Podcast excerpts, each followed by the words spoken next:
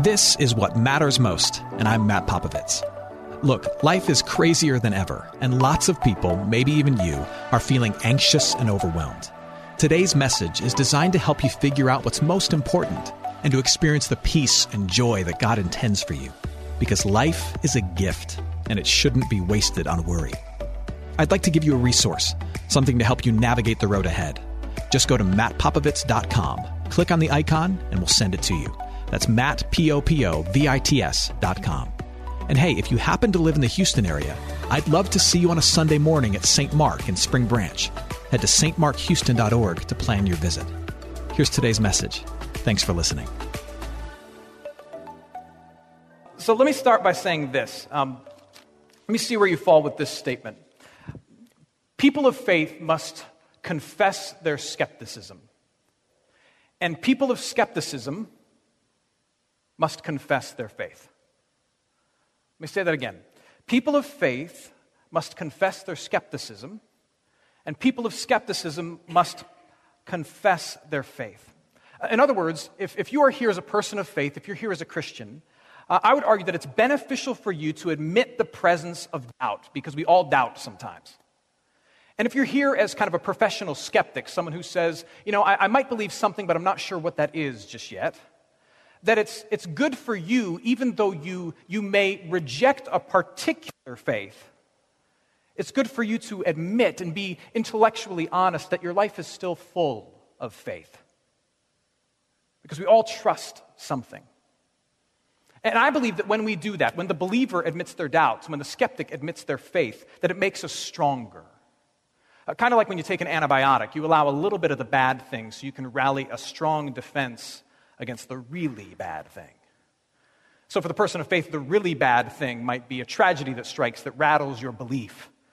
And by admitting your doubt, your doubt beforehand, you've already rallied a defense and you're ready to embrace the bad thing that comes. Or if you're a skeptic, the really bad thing that might happen is a missionary who knocks on your apartment door at Saturday morning and says, Want to talk about Jesus? And having already wrestled with the fact that in some sense you're a person of faith, maybe you've rallied a defense for that moment as well. I don't know. But it also makes us honest. When we admit as a, as a person of faith that we have doubts, or when we are honest and say that if we're a skeptic, we still have faith in something, when we do that, it makes us honest and it makes us more empathetic to the fact that there are people in this world who believe differently than me. And in many ways, I'm not all that different from them. And that kind of empathy makes for a better world all around. And so that's why we're starting this conversation. That's why we're starting this series called Arguing God. It's an opportunity for people of faith to be honest about some serious doubts that we have at times, and for skeptics to admit that there are things that they wrestle with as well that they're not quite sure of. We're going to wrestle with three big questions. But the one I want to start with tonight is, is less of a question, more of a statement that we hear in our day and age. And it's this the idea that there can't simply be one true religion. There can't simply be one true religion. Let's wrestle with that. A few weeks ago, I was standing on the porch right out here in Midtown. And one of our, our, our, neighbors walked by and struck up a conversation with me, started asking me about, about the church. And we had a really, really great conversation. And towards the end of the conversation, she, she asked me a question. She said, so, so, so you're not one of those churches that believes like, like Jesus is everything, are you? You're not one of those churches that believes Jesus is kind of the only way, do you? Because that's how, that's how I grew up, and I don't really want anything to do with that anymore. I'd love to come to your church, but I, but I don't want anything to do with that anymore because I don't believe that anymore. And so we had a continuing conversation. One of the things I said to her is, I said, you know what, you're not alone. Uh, there was a landmark study by a group called the Pew Forum released in, in 2011 that revealed that 70% of Americans agree with her. And 65% of self identifying Christians agree with her. They would say, you know, there's, there's, there's really more than one path up the mountain, there's more than one way to connect with the divine. And maybe that's where you stand tonight. Here's, here's kind of the, as my grandfather would say, the sticky wicket, though. I have no idea what that means, but that's what he would say the historic orthodox understanding of the Christian faith would say the opposite. The, the historic orthodox articulation of, of what it means to be a follower of Jesus Christ would, in fact, claim that Jesus is it. Like, Jesus is everything. Uh, and if you don't believe me, I've got like a bunch of verses I could show to you, but in particular, that, that reading that we just enjoyed from, from Acts chapter 4.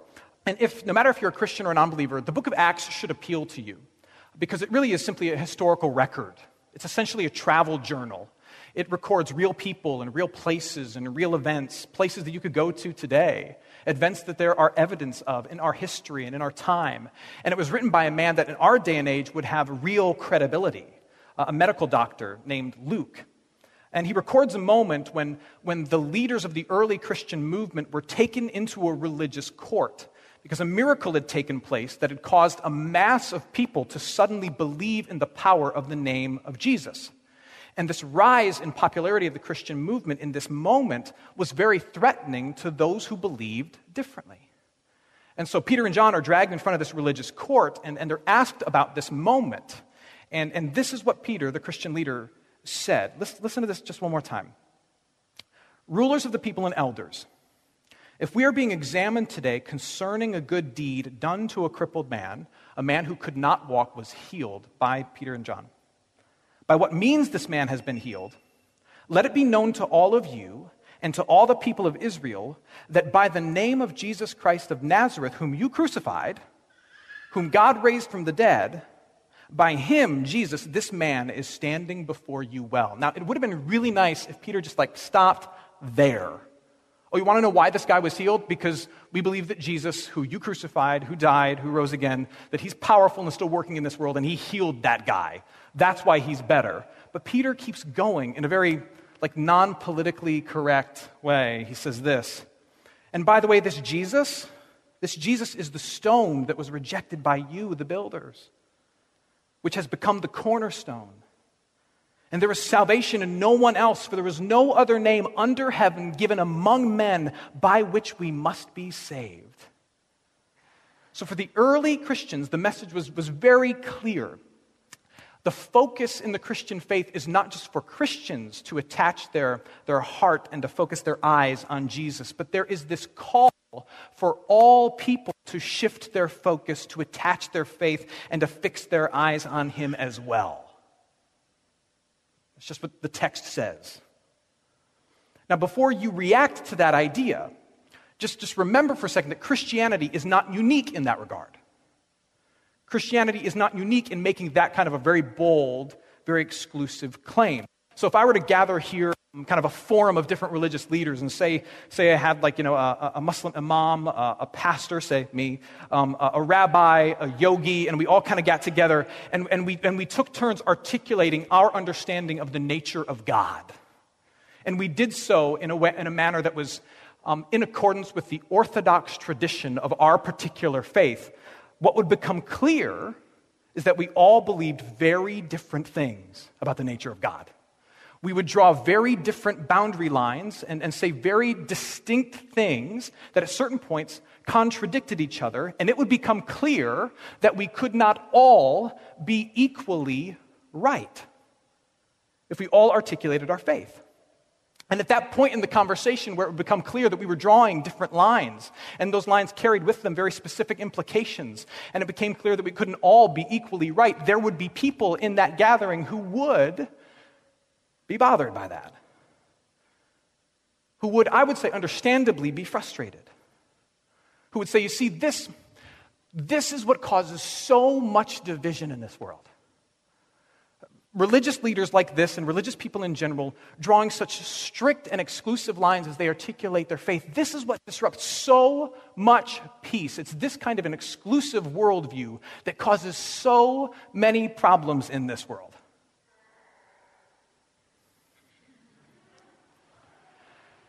And I would agree.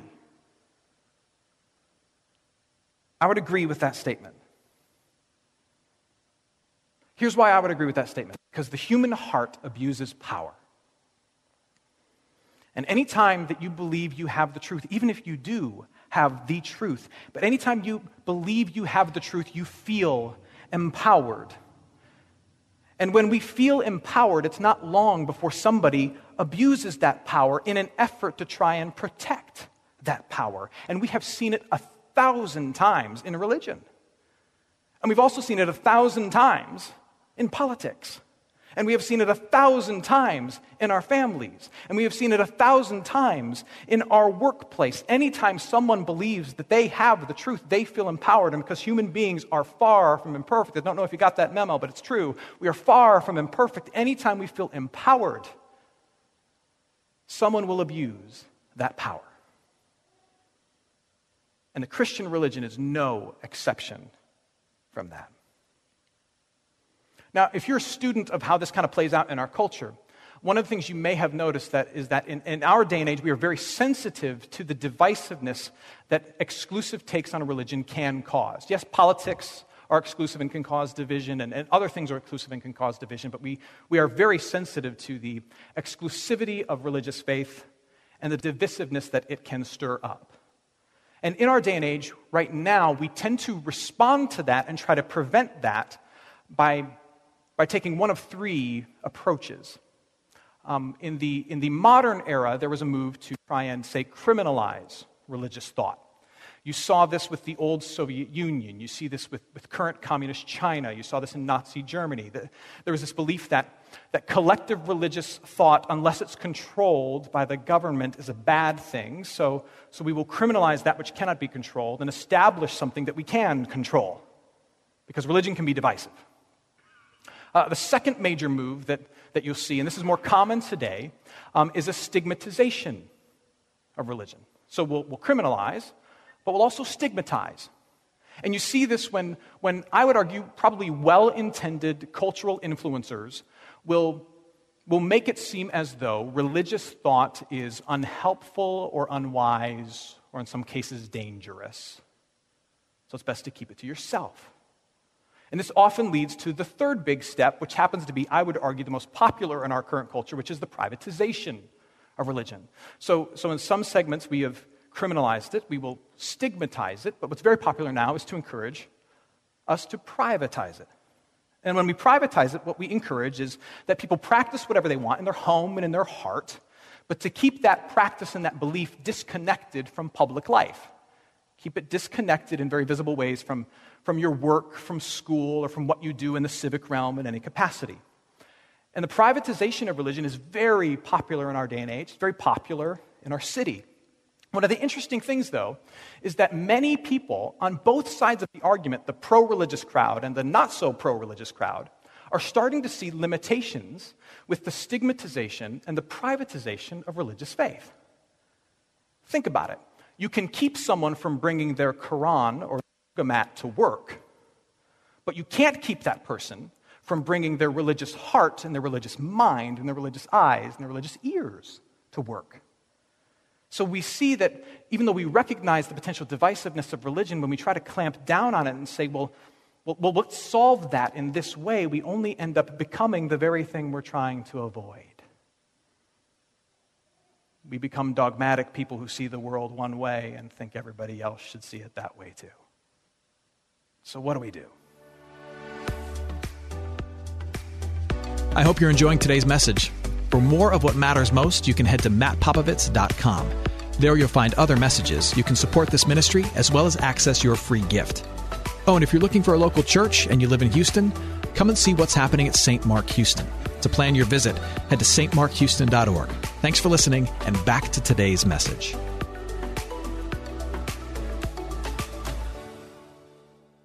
So, so I'm a Christian.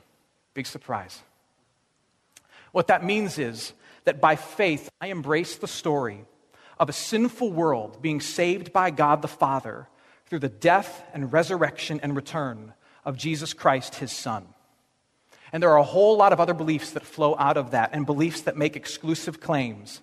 And it is a worldview that is built on massive assumptions of faith that cannot be empirically proven. And I hold tightly to these things, and it shapes how I lead my home, how I do my job, and how I walk down the streets. That's me.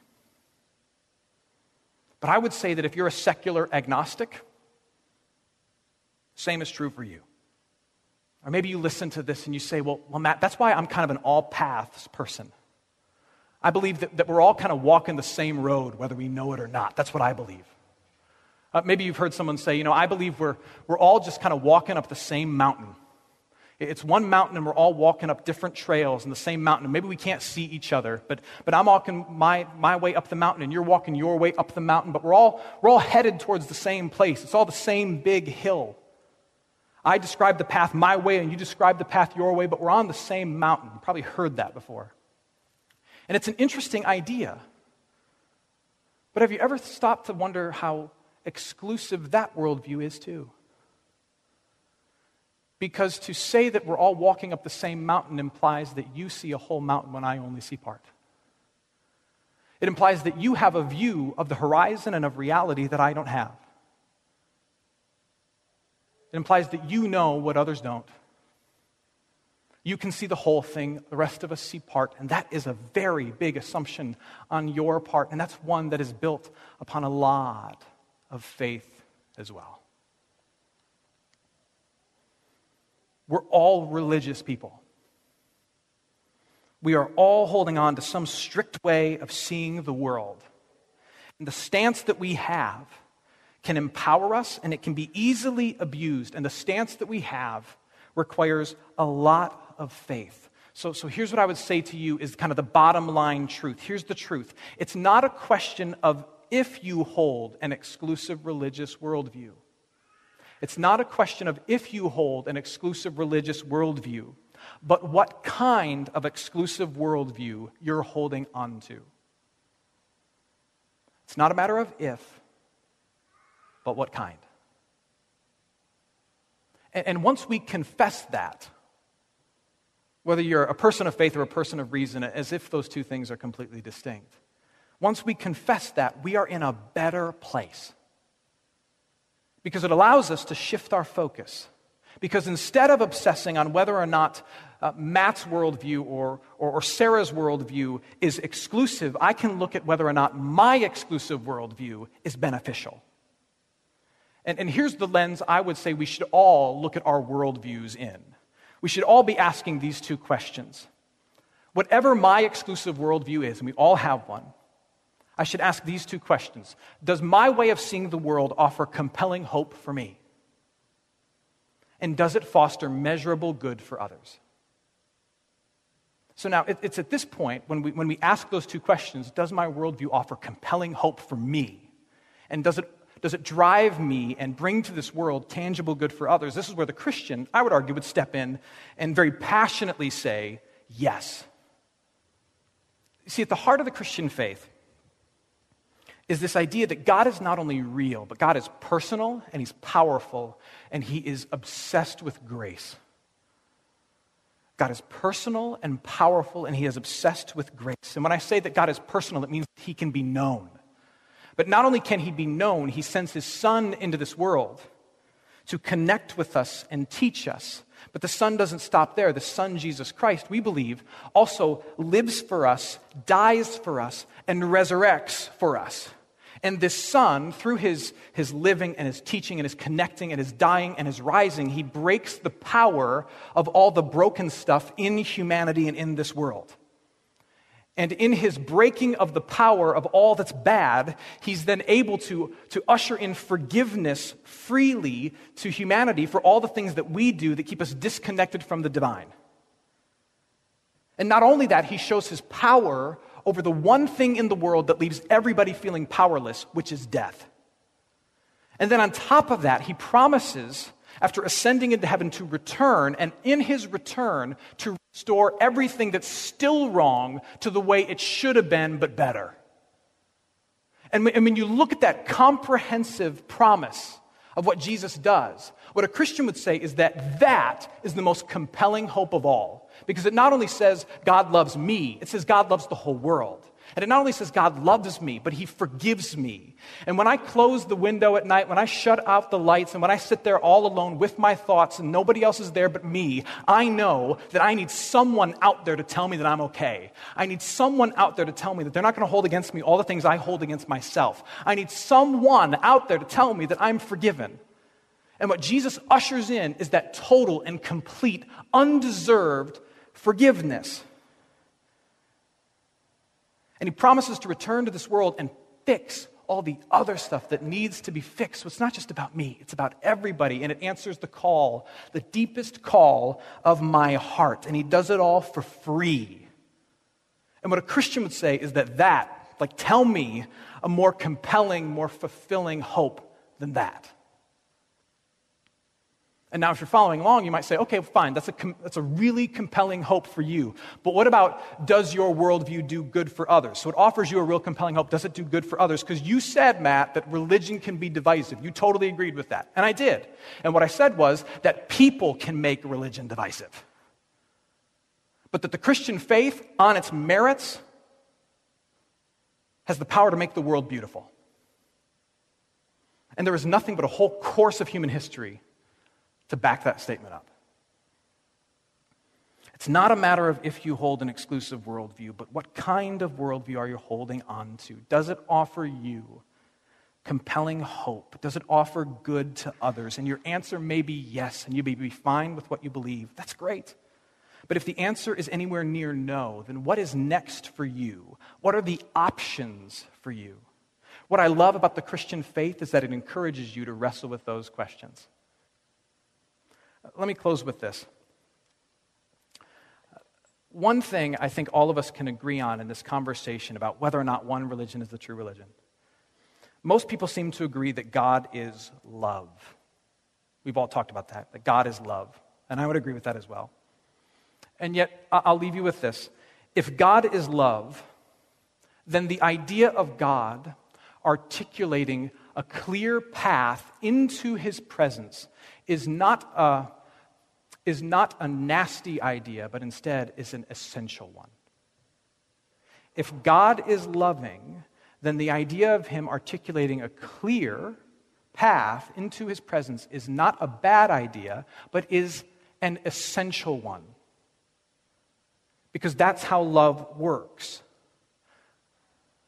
I remember when I proposed to my wife, uh, it was really good. I, uh, I had 40 different people, friends and family, all lined up. And uh, they surprised her at dinner uh, at this really nice restaurant. And one by one, they all walked up to my, my soon to be fiance. And they, they all walked up to her and they, they handed her a single rose, one by one. And as they handed her a single rose, they each said to her the exact same phrase. They all said to her, Lisa, just say yes. One after another after another after another until like finally at the end of this long like parade of people lisa is just sitting there exasperated saying like yes to what? Just get to it already. And then i step in with a tuxedo and a goofy smile and one more rose. And i hand it to her and i say say yes to me. Say yes to nobody else say yes to me and to me alone. A lot of people in this world could marry you, but I want to be that one. Matt Popovits, who you've known since you were 14 years old, say yes to me. An exclusive faith may make you cringe because it implies that we can't all be right. But I would argue that if God is love, then one of us must be right. Because love does not allow for ambiguity. Love draws lines. Love steps forward. Love stands out and says, It's me. Hey, it's Matt. I hope you enjoyed what matters most. Here's what I need you to know life is a gift, and it shouldn't be wasted on worry. I want to help you figure out what's most important and to experience the peace and joy that God intends for you. So, for more content, you can head to mattpopovits.com. That's Matt, P O P O V I T S.com. There, you can also support this ministry as well as access your free resource, a little something to help you navigate the road ahead. I'd also love to see you on a Sunday morning. If you're in the Houston area, head to stmarkhouston.org to plan your visit. In the meantime, Hit me up on Instagram at mpopovits or at facebook.com slash Matt Popovits Ministries. Thanks for listening. Now go and hold tight to what matters most.